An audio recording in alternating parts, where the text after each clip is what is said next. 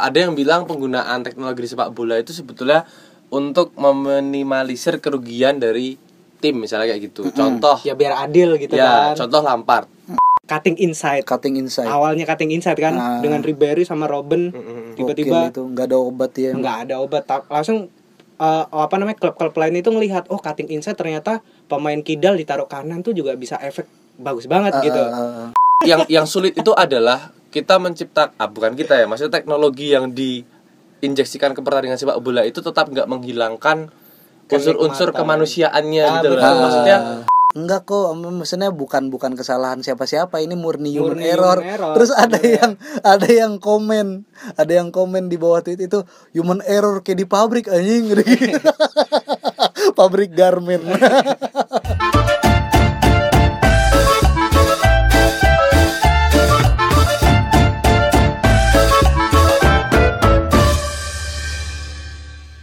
Oke, selamat datang di podcast Oragol episode ke-59. Gokil, sudah sampai ke pencapaian ini. Kita nggak kerasa ya. nggak kerasa ya. Oke, itu latihan di apa Oragol untuk episode ke-59 ya. Yoi. Kalau sekarang masih episode segini. Jadi, selamat datang kembali di podcast Oragol karena sepak bola bukan hanya tentang gol. Masih bersama saya Ikhlas Alfarisi sebagai host yang masih pengen belajar ngomong tidak belibet dan juga ada kawan saya dengan squad yang lengkap masih seperti minggu yang lalu. Berharap minggu sekarang juga belum punya belum ada rotasi ya? Belum ada rotasi. Stamina kita dan XG kita tetap tinggi sepertinya. Yoi. masih ada bapak redaktur Arci Arvian. Apa kabar Ci? Baik-baik aja. Minggu ini gimana nih? Kue ngeliput apa nulis atau ngedit berita soal ini nggak? Salah pak. Soal itu ada kasus di Semarang sperma dikasih ke makanan. Ya ampun. Waduh, enggak pak. Enggak pak. Enggak ya? Membayangkan aja udah udah tidak ya? bikin di skip ya? Ah, sebenarnya media anda juga mengignorance itu. Iya ignorance. Apaan nih gitu? Apaan tidak tidak clickbait. Eh padahal itu ya lumayan ini ya lumayan ini Lumayan engagement bombastis sih. Tapi ya nggak nggak penting banget. Iya, iya, iya. Tapi sudah memasuki musim hujan gimana nih? Rehan Rehan Majid? Ya musim hujan agak merepotkan ya ketika kita nggak cukup mampu mengini- menyiasati kayak gitu. Eh, Iya iya iya. Tapi untung ini ya minggu ini eh nggak untung juga sih. Nggak nggak semangat aja sih minggu ini rasa rasanya sejak pertengahan minggu ini kok udah Lesu. loyo gitu ya nggak tahu kenapa lesu, tapi Ap- ya. nggak semangatnya apakah lesu kelesuannya itu apakah sama dengan kelesuannya Jesse Lingard? Aduh, tidak ya? Tidak ya? dong, Saya harap dong, tidak. beda, beda Saya harap tidak ya. Aduh, Karena ya Jesse Lingard telah melakukan kesalahan di apa tengah pekan kemarin dan efeknya ternyata sampai ke timur jauh gitu kan di Pulau Jawa gitu kan Ah, ah, ah. dan di kesempatan kali ini eh di biasa ya Oragol ngomongin eh, sepak bola yang deket-deket aja dan yang kita tahu gitu. Da, tapi sebelum itu kita ngobrolin hal yang paling deket dulu nih sebelum ke Eropa ini. hmm, di Jogja-Jogja Oh, aja ya Jogja-Jogja aja nih gitu kayak ternyata Liga 2 gitu. Oh, iya, betul. Liga 2 kan udah diundi tuh. Ah. Ininya apa namanya? grup-grupnya pakai sistem grup gitu Liga 2. pakai Ternyata sistem cluster juga pakai sistem klaster gitu. Ternyata menempatkan Persis Solo dan PSIM Yogyakarta satu grup gokil. Derby Mataram. Derby Mataram akan kembali tersaji di bumi Yogyakarta. Ah. Gue tuh pernah bilang sama siapa ya? Apa? Oh iya di Oragol percobaan tuh sama si Fahri sama si Fikri itu bilang bahwa andai kalau eh, Yogyakarta itu sama kayak London gitu. Maksudnya klub bolanya tuh banyak. London kan banyak ya ada Chelsea, Arsenal, Tottenham, Crystal Palace, West Ham, apalagi tuh Fulham. Hmm. Andaikan gitu, misalkan di Jogja ini ada PSS Sleman, PSIM yang udah ada tuh Persiba Bantul, Kulon Progo tuh apa namanya? Persiku Lon Progo Persiwa Wates, Persiwa atas Persiwa Persigun Gunung Kidul. Persigun Gunung Kidul Persipat Patuk ya bukan? Persigundul Gunung Iya, Kidul. terus Gunung Kidul ah, FC terus ada Persis Solo gitu. Bandung dan FC. dan semua klub itu masuk ke Liga 1. Wah. Meriah sekali coy kota ini. Iya sih makin rame sih. makin betul-betul Ah, wisata dan juga. posisinya enggak posisinya enggak pandemi gitu. Wah, Eh, ngebayangkan ya itu ya. Malioboro orang yang kalau semua tuh. Gokil. Terus kalau misalkan kita ya what if what if misalkan Indonesia suatu saat jadi tuan rumah Piala Dunia gitu dan Stadion Mago Harjo dan Mandala Krida itu jadi salah satu venue-nya gitu kan. Kita nggak bisa apa paling nanti bakal melihat pemandangan hooligans dan ultras tawur di stasiun Lempuyangan gitu. Lempuyangan. Gokil kan ya.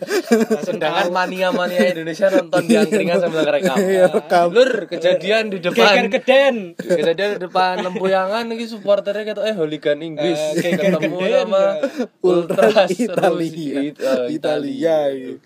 Itu menarik banget sih. Ya, mudah-mudahan kayaknya sepak bola Indonesia juga sedang menuju apa lepas landas lagi dan dan mudah-mudahan makin maju dan makin dilirik untuk jadi tuan rumah event terbesar gitu ya. Tapi ah, dari situ kita juga bisa ngelihat ya maksudnya kondisi negara kita sendiri gitu. Kalau kemarin ada rame-rame mural itu dihapus-hapusin sama aparat setempat, terus Bapak Hokage ternyata speak up gitu.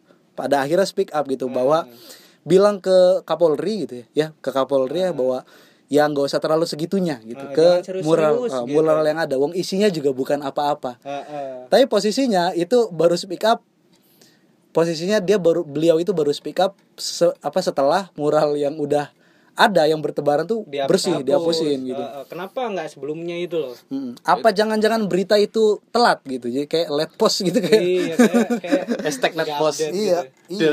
Hmm. Tapi itu yang statement yang dikeluarin sama beliau itu barengan yang dia bilang saya udah biasa dihina itu bukan gak sih? Iya. Iya. Iya, iya, iya. Iya. Udah biasa dihina, dia Baperan aja sih dia itu sebetulnya. Dan Kalau menurut gue mah ini ya, apa namanya? Ya Bapak Hokage ini sebenarnya santai orang. Yang nggak santai itu fans-fansnya gitu. betul. Kan baru kali ini kita punya pemimpin tapi ada fans. Ada gitu. ultrasnya ya. beda sama kayak kalau ya beda sama kayak SBY sih. Enggak Hmm, Iya ya. Nah, makanya banyak influencer, banyak komedian bahkan yang males gitu kadang-kadang kalau pengen bikin joke soal SBY. ya Eh, Hokage gitu. Hokage. Hokage, Kalau SBY mah kan sebelumnya banyak ya, Ah. gitu, banyak. Jadi dan dan biasa aja gitu karena mungkin dia punya pengikut, punya simpatisan tapi nggak punya fans kan yang ngeri kan. Nah, yang yang yang ngeri itu justru fans gitu kan. uh, lebih cuap-cuap itu dulu kalau rasional itu. Iya, nggak nggak rasional ya. Simpatisannya. ih, gokil.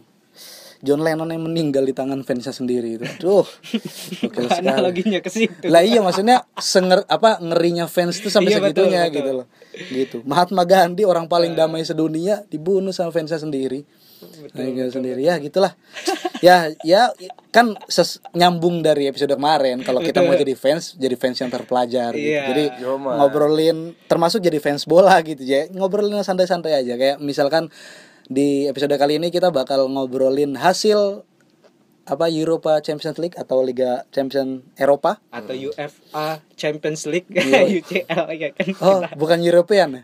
Iya kalau di penulisanku tuh UFA UEFA Champion League. Champions Nah, ya itulah Liga Champion Eropa ya. ya, ya itu betul. Beli balsem gitu kan. di pasar gitu kan. Itu kan liriknya gitu kan yang yang terngiang yang ada banyak pertandingan yang cukup menarik gitu untuk dibahas. Ka- tapi ya kita nggak usah ngelis satu-satu lah ya karena kita bukan jurnalis bola kita Betul. cuma pengen ngomongin bola aja ada beberapa ya hasilnya udah ada semua gitu dan yang paling yang ada di catatanku nih ya ada pertandingan PSG lawan klub Brugge klub Belgia itu kan Mm-mm. yang awalnya diekspektasikan sebagai pertandingan yang membuat klub Brugge terbantai Iya bisa karena jadi trio Mbappe, Neymar, Messi kan jadi starter ternyata ya. MMB satu sama MNB satu sama dan ya ini overrated gitu kan pertandingan yang wah digadang-gadang bahasa Mematikan ekspektasi ya. mematikan ekspektasi gitu. Tuh terus ada juga MU yang gagal meraih kemenangan di pertandingan pertamanya di Liga Champions Eropa karena human error. Waduh kayak di pabrik ya. Quality controlnya kurang. Iya, kayak di pabrik. senggol dong Waduh. senggol dong ya Ada MU. Terus juga ada pertandingan selamat datangnya AC Milan yang walaupun kalah tapi tetap punya pride gitu kan di hadapan publik. Anfield, Liverpool, terus ada eh, Atlanta dua sama yang gue catat tuh terus ada Rangers Ran- enggak Rangers, Rangers kan Europa League, Europa League, kita ini. oh Rangers itu Europa League ya Mm-mm. bukannya Champions dia Enggak, Oh, Europa oke, League. oke. Terus ada Atlanta versus Villarreal, terus ada Barcelona yang di hancur leburkan di linggis-linggis. Barcelona ini sekarang di, Oleh ini. di- dianggap sebagai Arsenal baru di Oh, Champions iya, betul League. ya. Ketemunya Bayern Munchen. Gue Bantai terus. Ah, ya, kita mau bahas yang mana dulu nih dari hasil Liga Champion dulu nih. Mungkin langsung di skip aja gitu. langsung ke Europa League Enggak, kayaknya enggak, asik juga. enggak, kita mau tadi kan pas briefing kita apa namanya mempersilakan Rehan gitu Iya, kan untuk silakan siapkan apa namanya arti dari bloody hell kita bales di Eh. kandang. Let's gitu kan. Saya bantu lah nanti lah. Saya bantu lah. saya bantu lah. Iya. MU udah ada Nanti saya carikan. saya Sancho carikan. dan Ronaldo gitu kan. Jadi gini lah. ya. Posisinya emang aku secara pribadi ya, aku aku Iya, nggak aku nggak bahas nggak bahas apa namanya pertandingannya dulu. Aku nggak tahu seberapa penting opiniku, cuman dalam sudut pandangku adalah eh, aku percaya semua tim yang berkompetisi di Champions League termasuk Oke. yang Sheriff itu. Oke. Tahu kan Sheriff? Sheriff itu? ya yang menang lawan Shakhtar Donetsk. ya? Iya. Yaitu tim-tim yang memang punya kompetensi untuk main di Champions League kayak gitu. Meskipun oke kita kita perlu terbuka juga bahwasanya ya ya MU di atas kertas dong. Iya. prediksi. secara Ah. secara kan kalau Faris bilang ada Ronaldo, Varane, terus si Sancho, Sancho, iya. tapi tetap gak bisa mengalahkan Young Boys. Tapi emang ya gimana anjing mau ngomong apa ya? Emang kalah, ini emang kalah di situ dan emang itu human error ya. Human error yang sebetulnya pemicunya kan kita bisa tahu setelah Wan Bisaka ditarik keluar gara-gara Ah. eh, kartu merah kayak gitu. Itu bener-bener ngacoin permainannya United karena sebelumnya Ronaldo tuh barusan golin 1-0 memimpin dan mulai agak lepas mainnya karena aku Ah. perhatikan sebelum gue Ronaldo tuh mainnya MU itu bener-bener apa ya nggak lepas kayak gitu dia bener-bener di dikandangin sama Young Boys kayak gitu. Tapi setelah gue Ronaldo itu membuat apa namanya keberanian anak-anak di United tuh berani lebih Berani lebih sombong. lebih senggol dong gitu. tiba-tiba Wan Bisaka. Soalnya kalau diperhatikan juga di pertandingan itu Wan Bisaka tuh aku nggak tahu ya. Aku selalu melihat Wan Bisaka tuh kontrolnya tuh kurang gitu menurutku. Eh, jadi nggak bola berhenti ketika kontrol tapi lepas kayak liar gitu bolanya iya, kayak iya. gitu. Aku nggak tahu itu emang secara taktikal dia memangnya begitu atau itu sebetulnya juga eh, error kayak gitu. Nah, tapi aku ngelihat dari dari kesalahan-kesalahan teknis kayak gitu akhirnya bola bola liar dan dia telah timingnya kan. Akhirnya dia ngambil iya, kakinya iya. pemainnya yang bos dan kartu merah. Tapi ya sebetulnya aku mikirnya wah ini imbang sih nggak begitu dibully gitu. Aku Iya, udah udah udah tahu dan aku ternyata. aku ngerasa nih ini udah baunya nggak enak nih kayak nih tapi aku mikirnya nggak apa-apa lah imbang mau diceng-cengin ya yang penting imbang Imbang aja udah ini ya, Hmm, ada kepikiran iya. mau diceng-cengin ya. iya imbang aja sengaja bisa bilang 10 pemain bos Iya, imbang oke. Main bos, oke. imbang bos. Setidaknya Ronaldo ngegolin bos. Ah. Dia kembali membuktikan gitu-gitu. Ah. Taunya Enggak, Lingard. Tapi yang menarik gini, kalau ngomongin MU ya, kan pembahasan MU tuh banyak banget gitu. Tim engagement paling besar gitu ya. Iya, cuy. engagement paling besar. Ya banyak pundit-pundit di Indonesia pun ya banyak yang ngebahas MU gitu kan. Kayak misalkan salah satunya Coach Justin gitu kan. Coach Justin bilang kalau MU di bawah Ole Gunnar Solskjaer ini dibilang si Ole itu nggak apa pelatih yang miskin taktik Iya, gitu. punya plan Nah, B, plan C aku gitu. aku ngelihat ini kayak mempertanyakan apa namanya ketika ada counter argumen yang dibilang sama Pangeran Siaan gitu. Gue sih nggak percaya kalau di apa namanya di level yang udah kayak level Premier League, pelatih Premier League atau bu, apa bukan hanya MU gitu tapi ya tim-tim tim yang kecil Semenjana. ya semenjana sekalipun kalau ada di apa di level Premier League itu nggak mungkin miskin, Miskin taktik, taktik, gitu kan. betul. Tapi ini cuman ya jadi pertanyaan juga tuh kayak misalkan di pertandingan kemarin setelah Wan Bisaka di tag apa namanya di Ditarik. kartu merah ditarik kartu merah gitu nggak ditarik emang dikeluarin Oh gitu. iya, di kartu merah. Apa nggak ada plan B menurut lu gimana sih? Kalau aku sih eh, ngelihatnya tuh ada karena kan setelah Wan Bisaka di kartu merah itu kan udah 1-0 sebenarnya. Iya. Mm-mm. Itu apalagi itu di kandang yang boys kan.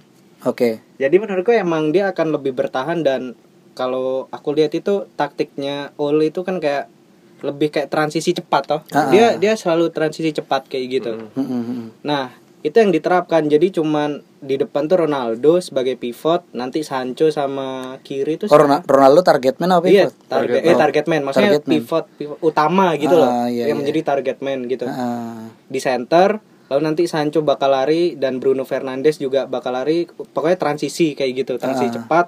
Nah itu sebenarnya taktik Ole.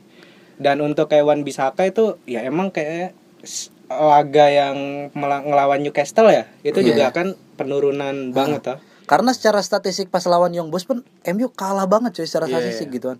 Ngomongin Itu- itu peluang setelah- yang terjadi setelah kartu setelah, merah. setelah kartu merah. Iya dan emang kalau aku ngeliat tuh taktik Ole tuh nggak menguasai betul. Kayak maksudnya eh, kayak eh, maksudku Misinya bukan bukan buat nguasain Eh, eh. bola lama-lama ya. Iya kayak kayak Pep ataupun Si eh, Brandon Rogers gitu ya. eh, eh, eh, Brandon Rodgers hampir sama sih transisi cepat kayak Ah. kayak ini kayak Klopp Kayak Klopp gitu. Klopp ya. gitu. Tapi dia tuh lebih oke kita possession kecil tapi transisi cepat dan bikin kaget Oke. he. gitu sebenarnya Ak- gol-gol gol-gol MU tuh kebanyakan gitu kayak gitu Bikin kaget ya. Heeh, transisi cepet banget coy. Iya, Sebenarnya iya, satu sama tuh harusnya, tapi kan Ah. ada human error terakhir di menit 90 plus 5 Lingard itu kan. Nah, itu yang Iya ada fans 2-1 MU fans gitu. MU yang komen enggak kok maksudnya bukan bukan kesalahan siapa-siapa ini murni human Murni error. human error, Terus ada sebenarnya. yang ada yang komen ada yang komen di bawah tweet itu human error kayak di pabrik anjing pabrik garment. Iya iya iya. Karena pemilihan dari Ole kan kayak misal Juan Mata, dia kan selalu berlama-lama dengan dengan bola, itu kan nggak diper- nggak dimainkan sama sekali. Matic juga berlama-lama dengan bola nggak dimainkan. Iya, Jadi dia pingin yang cepet-cepet aja Fred, McTominay dan lain sebagainya gitu. Tapi sayangnya kan ini berbeda dengan Liverpool. Mm-mm. Dalam arti gini, Liverpool kemarin ketika ngelawan AC Milan, dia itu rotasi, coy, rotasi pemain. MU enggak, line up-nya tetap sama yang dibawa ketika ngalahin Newcastle. Nah, aku juga Iya, tanya-tanya eh, Williams kan kalau nggak salah cadangannya itu Wan, Wan Bisaka itu Brandon Williams. Benar-benar sudah dipinjemin cuy. Oh iya, itu berarti bek kanannya siapa sekarang? Yang Apa? deputani apa cadangannya Wan Bisaka. Pelapis hewan biasa siapa sekarang? Wan Bisaka itu Adri Idrus. dia tuh lebih dia tuh sebetulnya setahu ya Wan Bisaka itu lebih apa namanya nggak punya pesaing di Nah, ya di itu, apa itu. namanya di posisi Di line dia up. Nah, itu itu iya, iya, iya. aku ngelihatnya itu malahan bukan masalah plan yang dikit ya, tapi persaingan antara line up line up A sama line up B di Posisi di Shaw, itu. kalau Shaw itu ada Dalot Dalot. Oh, Dalot udah balik. ya? Ahmad Diallo tuh masih di MU gak sih? Ahmad Diallo tapi itu bukan di back dia striker cuy. di Sancho. Oh, di winger ya. Eh, nah, malahan di di winger ini yang banyak Iya gitu. iya iya iya. Nah, itu permasalahan juga sama di DMF kan. Mm. MU tuh nggak nggak punya eh, DM Nah, itu itu. itu Andrew Luum. tapi Menurutku. apa ya match kemarin tuh sebetulnya aku mikirnya banget. Eh, kalah sama Young Boys ini eh, apa namanya eh kesulitan tim itu sebetulnya juga terbentuk di MU yang aku apa namanya aku lihat kayak gitu. Maksudnya beberapa pertandingan kemarin itu ketika kalah itu kayak semua pemain tuh silent kayak gitu. Tapi di pertandingan kemarin kekalahan itu direspon positif oleh oleh pemain-pemain juga mereka mengeluarkan statement kayak eh, ya ya sebetulnya ini norma- normatif tapi aku melihat itu sebuah upaya yang positif dari pemain Ah. kayak oke we are bouncing back gitu besok Sunday besok ini kita akan Iyalah, naik lagi gitu. iya maksudnya itu Mesti itu gitu. itu upaya positif daripada misalnya eh Goblok goblokin Lingard. ah, kayak gitu-gitu Iya. ya Ya Lingard juga di up lagi kan kayak Hmm, apa beberapa menit setelah pertandingan aku langsung ngecek kolom komentarnya Lingard. Wah, itu langsung banyak banget tuh ya. Apa sumpah serapah tuh. Head- head Tapi gitu ya. beda setengah jam doang. Apalagi beda setengah jam langsung ada kayak yang pasang badan gitu. Please jangan salahkan dia, please jangan Iya, salahkan dia. Apalagi setelah dia akhirnya dia ngerasa juga kan bikin postingan yang ada captionnya yang aku tuh cuman pengen memberikan yang terbaik bla bla bla gitu kan. Terus banyak pemain-pemain yang we win and lose together kata Iya. Bruno Fernandes. Terus si apa namanya mau iya kata-kata bijak seorang kalah gitu. Iya. ya gitu. Nggak apa-apa gitu kan. Buat buat bikin cheer up lagi tapi gitu yang bagus Ole itu salah satu manajer yang dia sangat nge-backup pemainnya gitu. Dia dia Beda sama Mourinho ya. Biasa Mourinho, Mourinho dulu kan waktu si kasusnya Luke Shaw, Hmm. dia habis-habis dengan Luke Shaw di depan pers tuh, tapi Oleh enggak, Oleh Oleh cenderung pelatih yang apa namanya eh, Yang United ya, itu. ya dia United Pasang- banget. Pasang United. badan lah. lah. ya dia berani pasang badan buat mainnya gitu. Karena ya aku aku kadang menyayangkan aja sih di di sepak bola hari ini aku ngerasanya eh, supporter fans itu Mhm. yang kita sebut nggak rasional itu ya nggak sehat kayak gitu. Aku menilai kayak oke tim ini dibentuk untuk menjuarai sesuatu misalnya. Dan dia ketika mau juara harus menang Mm-mm. tapi kemudian kita jadi nggak punya kok kita sih ya kebanyakan orang kemudian nggak punya cukup ya kita juga mungkin kan ya mungkin kita juga itu nggak cukup punya keberanian untuk bilang oke kita kalah kayak gitu loh Nah, menerima kekalahan secara secara fair Iya, kayak gitu, ya aku aku kadang Yang berani mungkin ini coy, fansnya Barca. Ya. Dulu, dulu ya. Kita selesaiin kita selesaiin. MU dulu. Iya, emang selesaiin MU dulu. Habis itu kita kita baru-baru apa namanya? Habis itu kita ini selesaiin MU dulu. Aku juga ya meskipun tadi sebetulnya se- sebelum kita take kita udah ngomong kayak misalnya admin Twitter MUFC Indo MUFC Manchester United Indonesia itu suka bikin senggol dong itu kan tujuannya engagement ya Iya, aku nggak tahu sih. Kita Ya, nggak tahu oke. ya, tapi mungkin iya Ya, itu oke. gitu. Atau emang emang sebenarnya adminnya congkak congkak. oke gitu. terserah maksudnya tapi terlepas dari semua hal itu aku Eh. aku apa ya melihat sepak bola hari ini tuh nggak fair kadang gitu sebagai fans ya oke fans punya ekspektasi tapi buta kadang gitu loh maksudnya Hmm. kalah ya ya udah ya udah ya mungkin ya emang wayahnya kalah gitu Ya nanti kan fair atau enggak kan nanti ada ini kita nanti di pembahasan kedua ngomongin teknologi. Oke, Oke, ya. Yang yang akan eh, akan memperlihatkan bahwa teknologi ini membantu agar sepak bola lebih fair kayak gitu. Tapi ngomongin nanti ah, ngomong-ngomong kesalahan Wan Bisaka yang juga dia posisinya ada di back sebelah kanan gitu kan. Ini juga dialami oleh per- apa dialami oleh Barcelona ketika dibantai habis oleh Bayern Munchen ini dialami oleh seorang Sergi Roberto. berarti salah Sergio Roberto pertandingan itu? Banyak orang yang bilang gitu kekalahan Barca itu ya salah satu faktornya adalah penampilan yang teramat jelek gitu. tapi dari- emang jelek mainnya ya? Jelek banget. Jelek banget maksudnya jelek karena banyak faktor gitu. Satu faktor Sergi Ro- itu bukan posisi Sergi Roberto. Kedua Ronald Koeman ini. Sakit goblok. Enggak.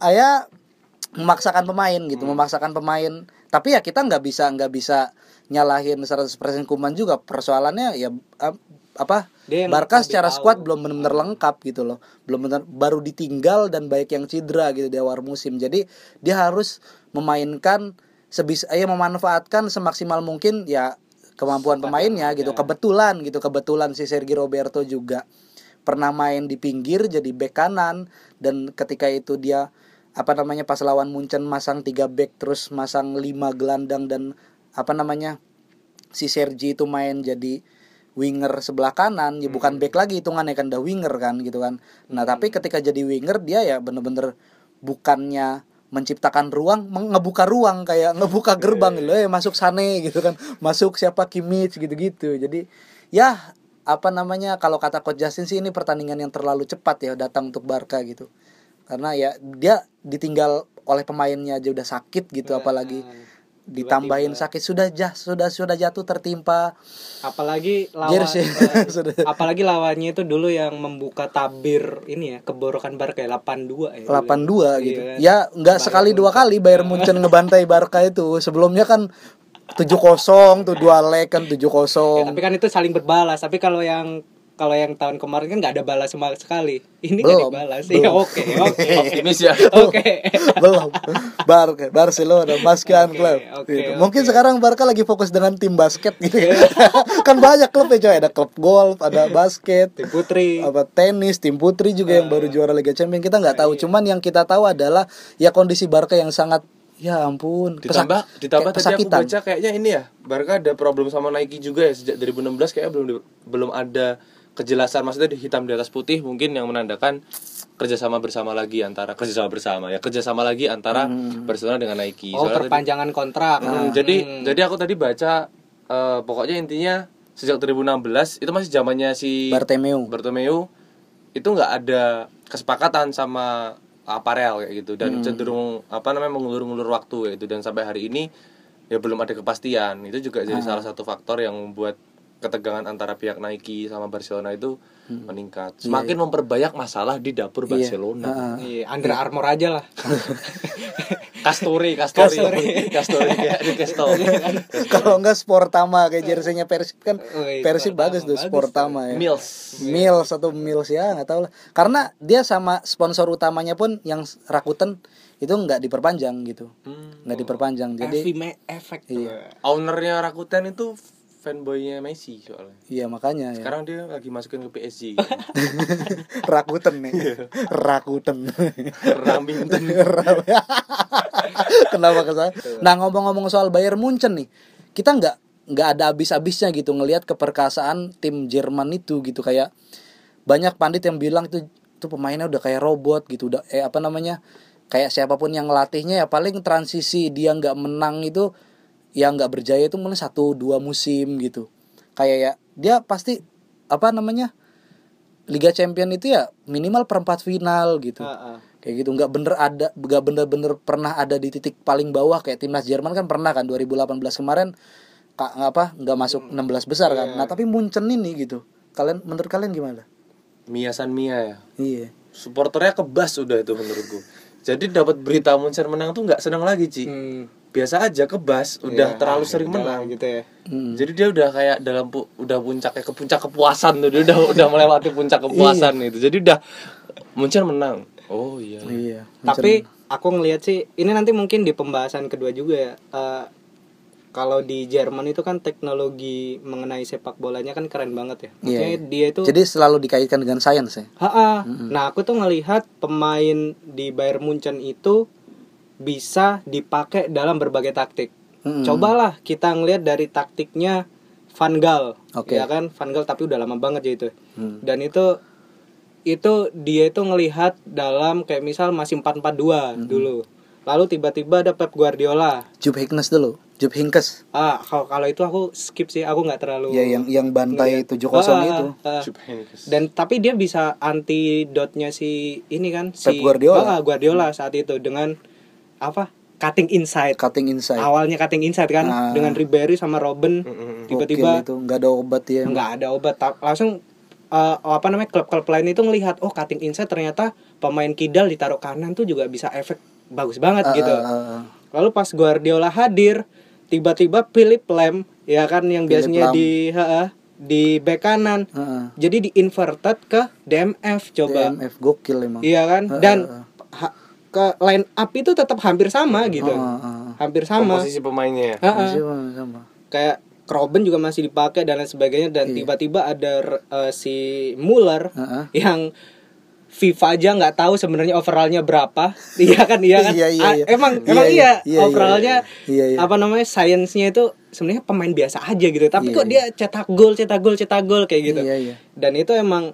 Pep Guardiola pun juga wow ternyata dia Pas ngelatih Munchen ya. Heeh, ternyata seorang yang bisa menempatkan diri gitu. Ah, ah. roll free roll gitu. Jadi kayak semua apa hampir semua pemain Jerman tuh multitasking ya. Kalian kalau main PES nanti nih kita main PES tuh pakai timnas Jerman gitu. Ngelihat pemain-pemain Jerman tuh tuh back misal Matt Hummels gitu tempatin jadi SS bisa kayaknya.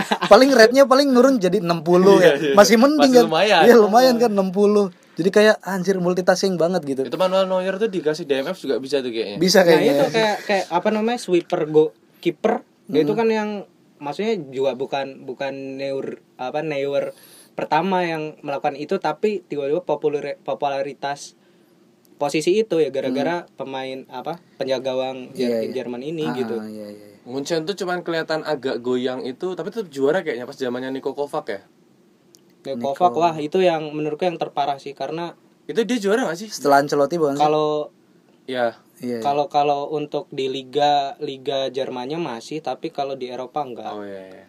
iya iya iya karena aku ngelihatnya jelek sih ketika itu Iya, Bayern Munchen gitu Tapi berhasil mengalahkan Barcelona. Untungnya Barcelona apa maksudnya yang jadi kok yang menjadi rasa bersyukurku itu adalah oh Barcelona lagi jelek-jelek kayak gini ketemu Bayernnya di awal gitu loh. Iya. Ya jelek-jelek masuk Europa League juara lah gitu kayak.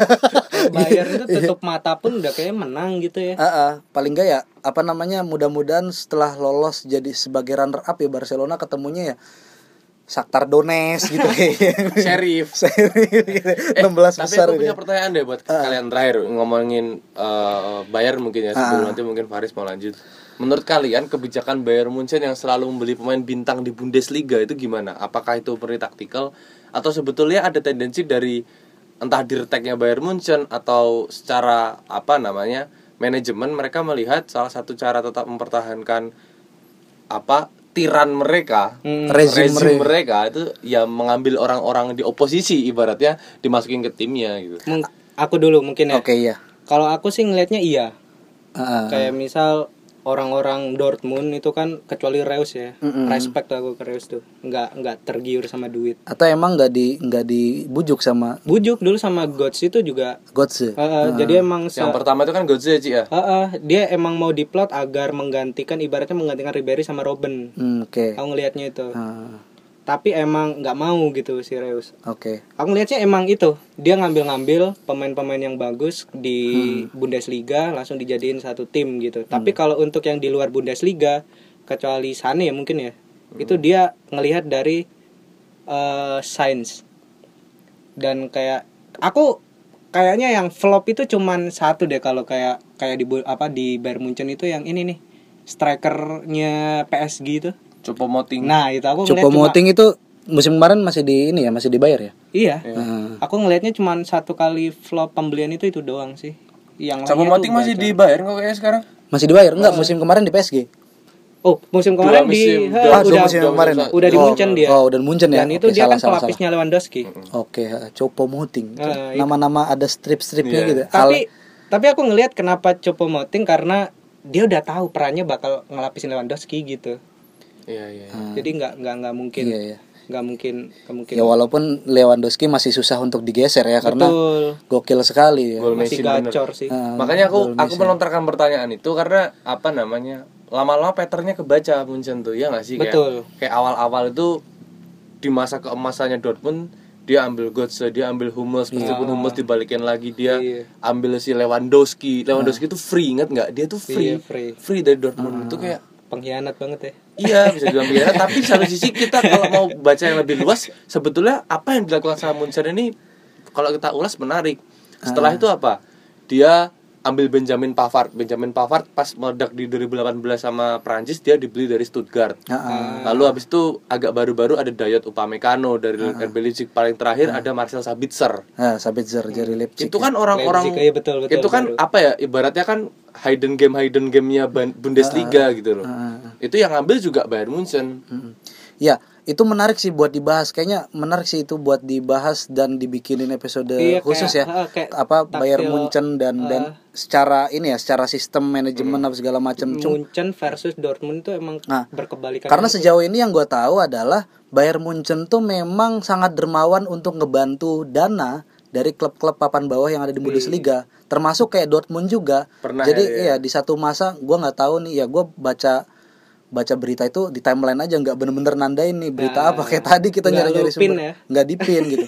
Ya Bayer itu pernah di satu masa dia hampir bangkrut dan di, dibantu gitu. Dibantu sama Munchen untuk bisa bangkit lagi jadi stabil lagi jadi se, se- apa jadi sebuah klub gitu. Nah salah satu perjanjiannya adalah jangan hal apa namanya jangan halang-halangi Munchen ketika dia pengen beli Pemain pemain, dari Dortmund gitu. Makanya kan banyak yang banyak yang berkomentar berasumsi anjing Munchen kok segitunya banget gitu loh ketika kita ngelihat Iya, ada apa ini nggak tahu nih Halan kalau misalnya makin gacor tiba-tiba dibeli lagi Dortmund kan eh, tidak bisa apa-apa gitu kan. Karena lu yang hidupin gue gitu. Eh Munchen gue yang hidupin lu gitu kan. Munchen ini kapitalis yang baik. ya nggak tahu ya.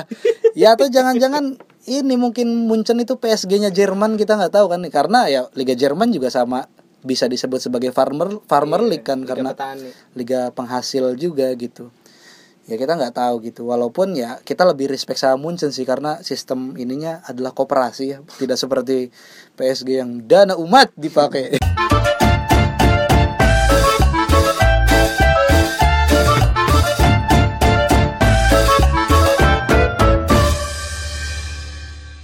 Di minggu kemarin ya di nggak bu- bukan minggu kemarin banget sih dua minggu yang dua minggu sebelumnya pas uh, baru aja ditutup jendela transfer kan tuh kan kita apa namanya ngupdate banyak pemain tuh yang yang ada Ronaldo ada Messi ada beberapa pemain-pemain di bawah-bawahnya juga gitu kan yang pindah dari satu klub ke klub lainnya. Terus ada satu satu berita kepindahan Hector Bellerin pemain asal Spanyol yang pindah dari Arsenal yang justru pindahnya tuh ke Real Real, Betis. gitu. Nah kepindahan ini tuh ya mematahkan asumsi banyak orang yang yang ngira gitu kan Bellerin itu harusnya pindah ke klub-klub top di Eropa gitu kan. Ya klub minimal klub-klub elit yang ada di Serie A atau ya kalau Liga Jerman kayaknya nggak pantas juga ya Bellerin main di situ gitu.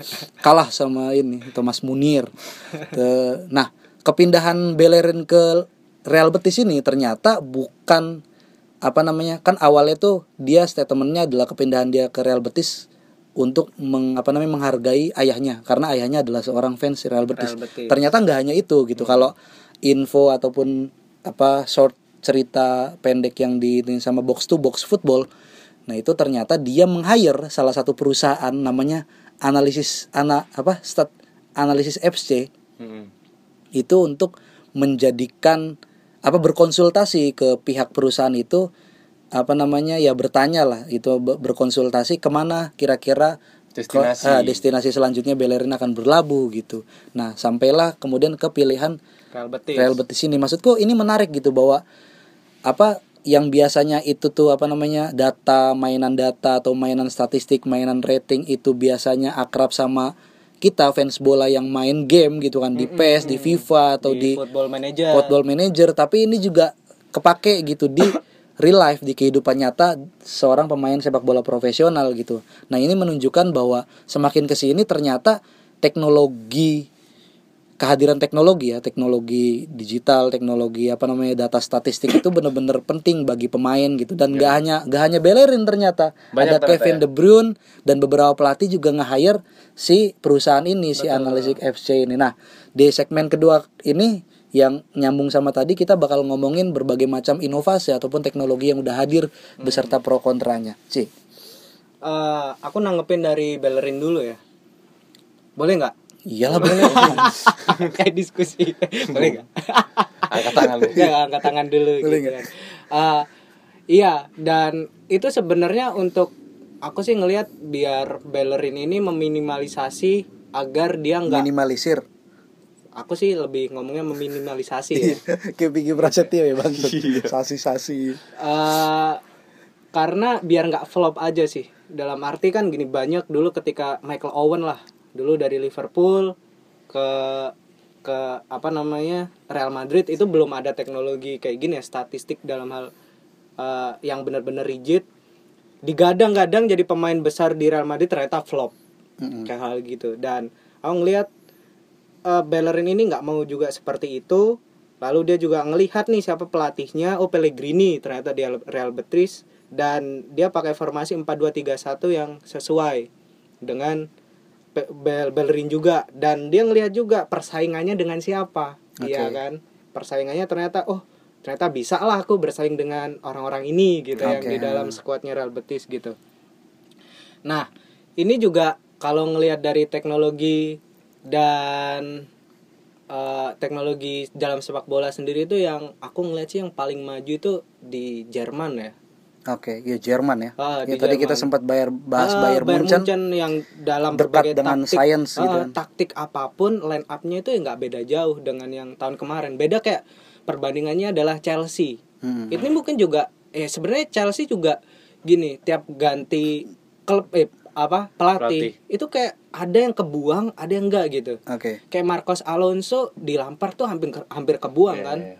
Ketika Conte dia pakai 35 eh, 35 353 343. eh 343 lalu di Frank Lampard 433 wah hampir kebuang gitu. Hmm, Tapi di keep ternyata nggak cocok karena karena dan lain sebagai hal Tuchel Tuchel gimana bacanya? Tuchel. Tuchel. Tuchel. Kalau Sewon kan Tuchel. Lele kali gitu. Tuchel. Ya, ya, lanjut. ya kan jadi 343 lagi Marcos Alonso main gitu Ya, aku ngelihat eh, kayak kayak di Bayern Munchen juga sekarang di ne- apa Nagelsmann Nagelsmann. Nagelsmann anjir Nagelsmann. Kalau Jerman tuh dibaca Nagelsmann, ini nah, gitu. Nagelsmann. Nagelsmann itu juga dari siapa Julian sebelumnya Nagelsmann.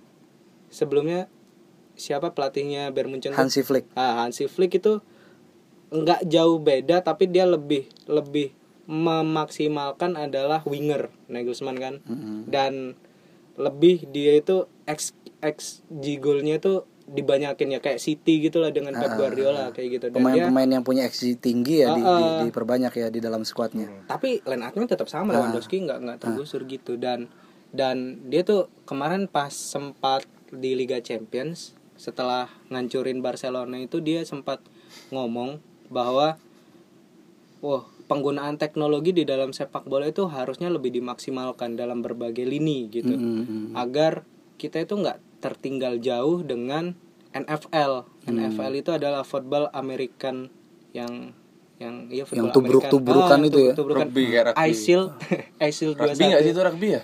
Ah, bukan sih beda. beda sama beda, rugby. beda. Oh beda. Beda. Nah, itu football American yang sangat dia itu eh, udah canggih ya menurut Nagelsmann kayak, kayak- gitu. Dan itu menarik sih karena kan kayak evolusi atau revolusi juga ya. Revolusi dalam sepak bola kan kelihatan banget ya. Karena kayak misal eh, dulu ada offset lalu a- apa namanya? nggak ada offset lalu ada offset lalu ketika gimana sih ngukur offside ada VAR kayak Nah, ada gitu VAR, ya, lalu oke. VAR ada garis apa namanya rumput juga digaris-garisin gitu biar kelihatan gitu dari tayangan ulang gitu ya Lalu sebelum itu juga ada goal line teknologi. goal line Gimana teknologi buat menentukan itu Gol gol atau apa enggak, enggak kayak- apakah sudah melewati garis Heeh. yang atau belum Dan itu perdebatannya kan ketika golnya Frank Lampard itu kan Jerman. di Ah. Ah, itu Piala melawan Jerman ya. Dunia 2010 6 bukan sih? Oh 10 ya yang di Afrika Axel. Selatan. Ah, ah. Itu kan ya sama ini juga Chelsea sama Liverpool di Liga Champions Iya. yang gol hantunya Luis Garcia. oke iya iya iya itu kan nggak kelihatan banget gimana sih gol atau enggak kita belum eh kita mereka belum memakai teknologi line goal teknologi kayak gitu Ah. dan juga ada kayak dulu tuh golnya eh eh, Sua- eh, bukan gol tapi hampir gol Suarez sama Norwich gitu Oke. itu udah udah masuk tuh tapi ternyata ada 0,5 milisenti gokil milimeter kok milisenti oh iya milimeter iya mm ya. iya iya. Gue gunain itu baru milisenti MC milimeter tuh. Iya. bolanya belum belum benar-benar melewati garis dan itu nggak disahkan Iya. gitu. Itu emang bagus gitu penggunaan ya teknologi. kehadiran teknologi dalam sepak bola juga kalau tadi apa namanya sangat dekat gitu loh sama Munchen gitu kan yang selalu mengkaitkan liga science sih, gitu kan. apa namanya di atau klub Jerman. Ah, klub-klub Jerman juga dan ya dinamika eh, sepak bola di Jerman. seba- dima- ya dinamika sepak bola di Jerman. Ya mungkin timnas juga dibangun berdasarkan itu Betul. ya data statistik gitu.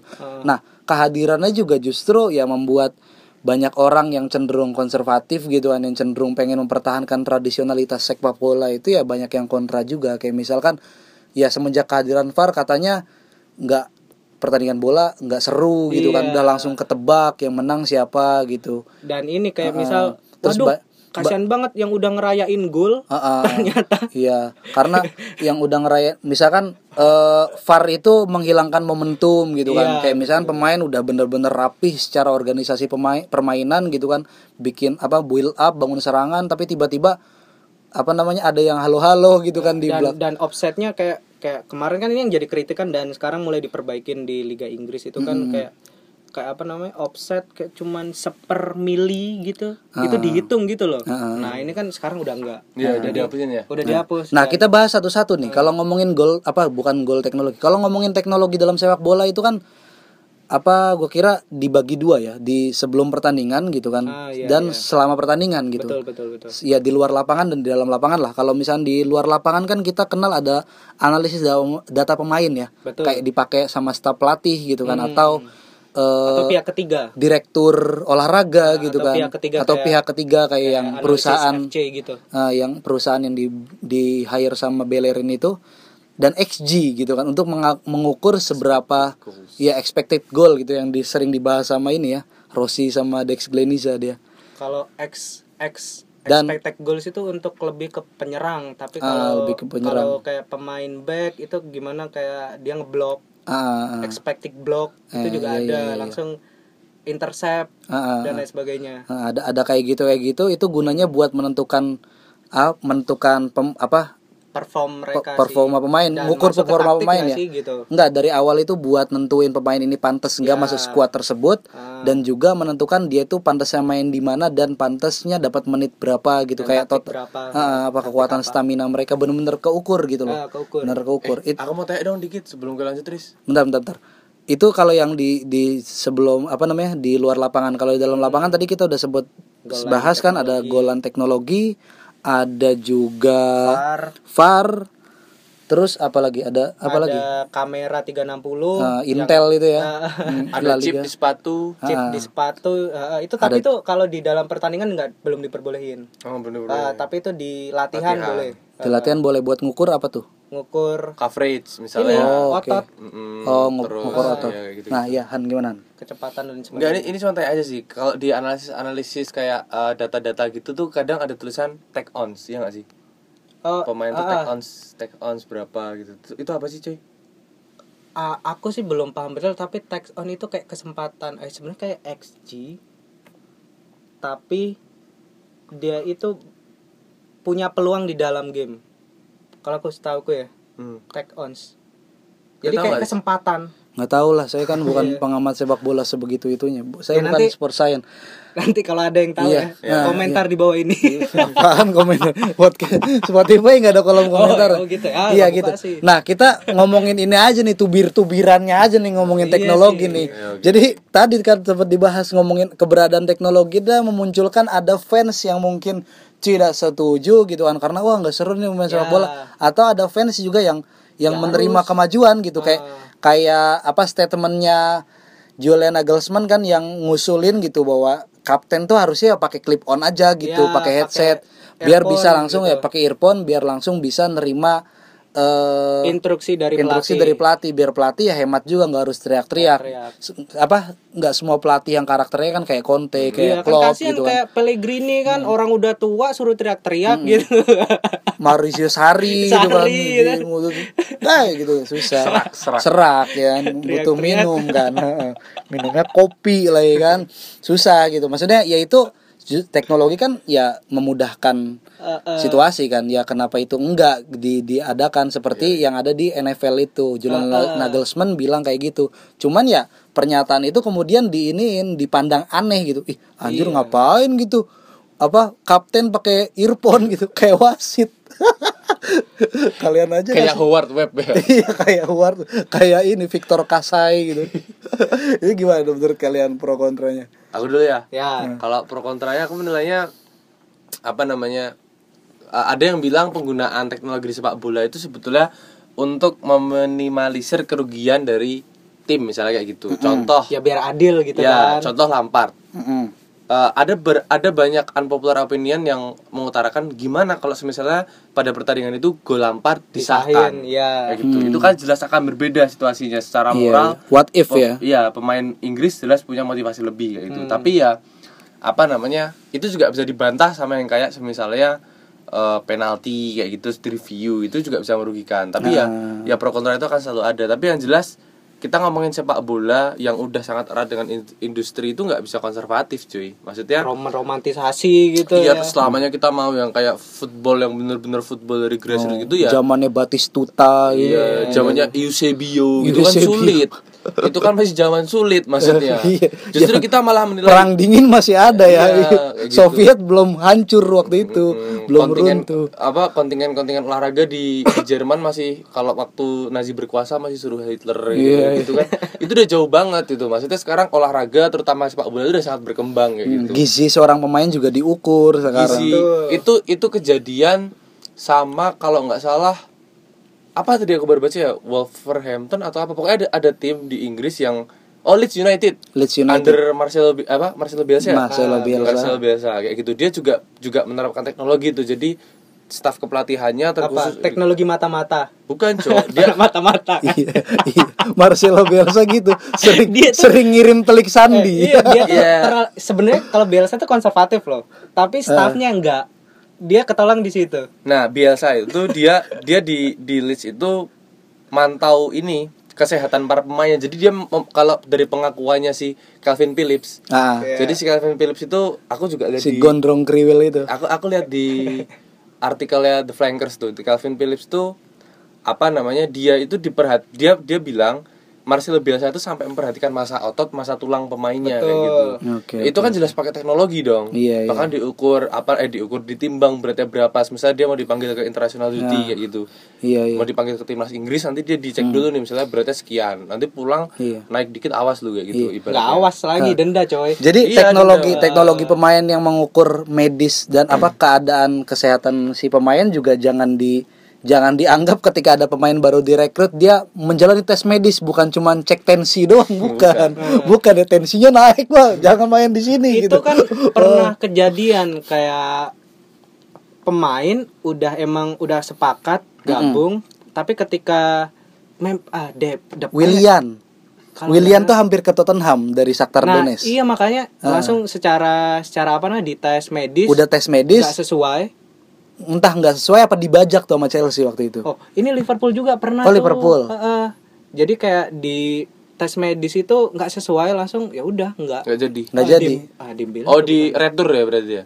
Iya dikembalikan, tapi langsung langsung diambil nggak sama jadi ngap reject ngap gitu Eh, eh, pemain lain gitu. Ada minusnya. ada minusnya wah nggak apa nggak sesuai dengan deskripsi nih gitu speknya ngap gitu Eh, eh, nggak sesuai. Tapi lagi-lagi ngomongin soal teknologi itu sih. Yang yang jelas apa namanya sebagai penikmat sepak bola kita juga nggak bisa selamanya konservatif itu aja sih. Meskipun tetap kita harus punya apa ya sudut pandang yang kritis mengenai penggunaan teknologi. Iya. kan jangan sampai kayak juga kayak koin mata dua kan. Mm. eh bukan koin pisau mata dua yang sulit. Yang yang yang sulit itu adalah kita menciptakan ah, bukan kita ya maksudnya teknologi yang diinjeksikan ke pertandingan sepak bola itu tetap nggak menghilangkan unsur-unsur kemanusiaannya Ah, gitu loh maksudnya oke gini kita kita boleh boleh misalnya yang sederhana nih ada beberapa opini bilang dengan berbagai fasilitas yang masuk eh fasilitas teknologi yang masuk Iya, itu oke mm-mm.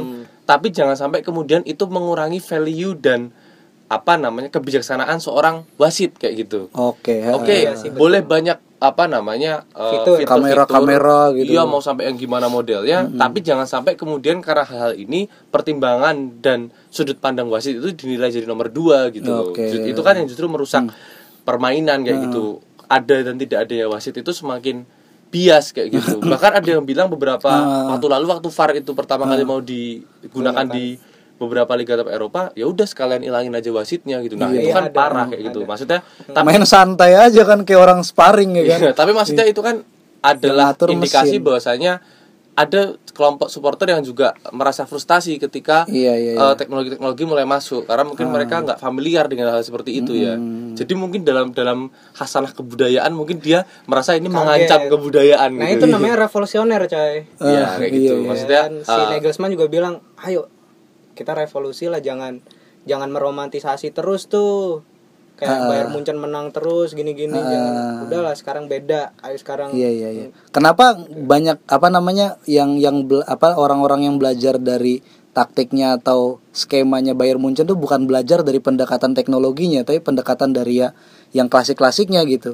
Nah, Kayak just- malah kayak MU sih. MU Liverpool tuh romantisasinya Nah, nah, kebangetan sih. Tapi mungkin yang yang bisa kita petik pelajaran dari Bayern Munchen adalah sebelum dia banyak ngomong soal teknologi, dia selesai dulu sama teknik dan urusan SDM-nya ibaratnya kayak Oke, gitu. Dia, Dia selesai dulu ngebuktiin dulu Ya, gitu. dia selesai dulu sama hal-hal yang bersifat eh, fundamental kayak gitu. Dia selesaikan dulu urusan kayak gitu. Baru dia kayak gaji pemain. gitu. Iya, itu kan penting dong. Sekarang Schalke gimana coba?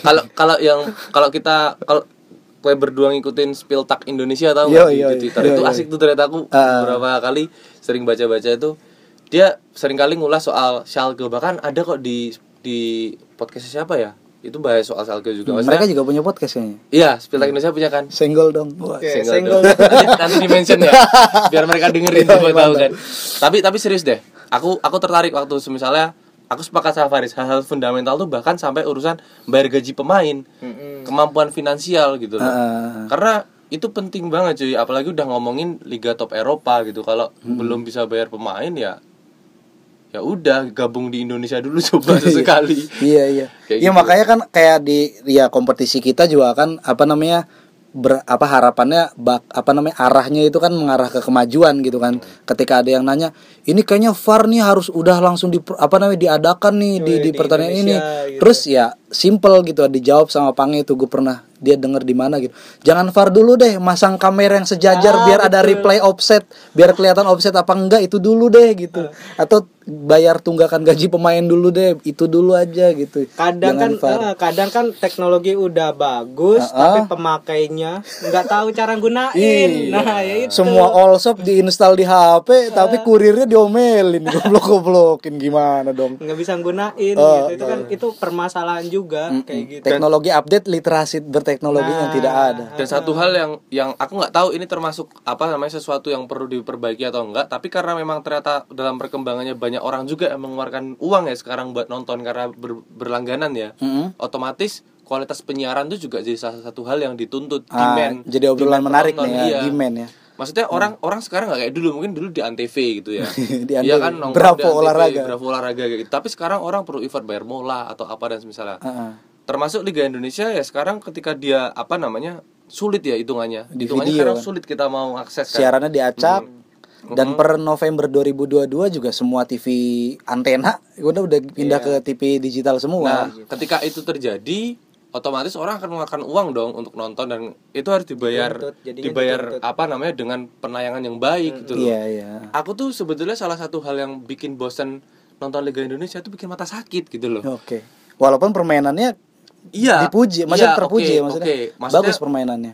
eh, aku nggak bilang secara keseluruhan ya emang Indonesia masih perlu banyak apa perbaikan tapi untuk tim-tim top di Indonesia sekarang ya itu ya udah lumayan lah mainnya tuh udah nggak udah nggak sengaja Hmm. Build up-nya bagus lah ya, Iya. enggak enggak udah nggak langsung umpan-umpan lari-lari tapi, doang tapi gitu. untuk kayak mencari taktik kan kadang kayak coach analitik kayak kan kayak gitu Ah. kan dia akan ngelihat per kamera juga kan kayak kita uh, aku sih kalau ngelihat sangat ini ya pesimis ya ketika ngelihat dari kameranya uh, antv mungkin ya atau Indosiar gitu pasti mereka udah nanem kamera sendiri gitu Oke. biar biar ngelihat bagaimana sih permainan kayak gitu Ah, ah, ah. nah kalau di kalau di kayak Liga Premier waduh ini perbandingannya nggak apple to apple ya Iya, nggak apple to apple lah iya, gitu. tapi sangat ya Ah. maksudnya kalau ya mau ngebandingin berani- Liga Malaysia kan kita nggak nonton Liga Malaysia Iya. juga kan. Susah. Liga- kayak, kayak gini kayak misal contohnya adalah Perancis ah Jerman ketika 2000 eh, 2018 kemarin walaupun tersingkir dari grup ya Ah. mereka itu nanem banyak eh, Kamera. kamera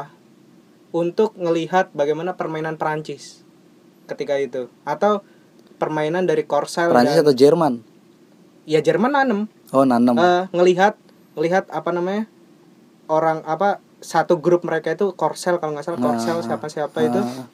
itu di mata-matai dengan kayak gitu Ah, buat mempelajari. Buat Oh Berani. yang taruh kamera ya kok Ranjau gimana coba? ya kameranya sama fans juga Meledak sama langsung, orang. langsung besoknya pernyataan perang gitu ya. dikira Nazi itu lagi Ini udah mau satu jam setengah nih kita podcastan gokil nih bahasannya bagus banget lah.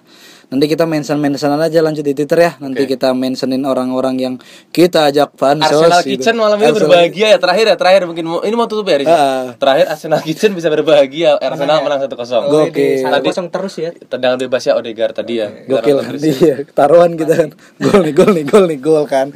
Oke, gitu aja. Siapa namanya? Makasih banget nih udah dengerin di episode eh berapa ini? Ya bodo amat lah. Episode sekian ya Ora Gol. sembilan, ya kalau salah ya Ya episode 9 Saya tidak berekspektasi apa-apa Tapi ya yang penting konsisten dulu aja Oke. Dan sebagai pencinta sepak bola Pengennya nggak mau juga jadi penonton Pengen ngomongin sepak bola Bye salam olahraga ora ora ora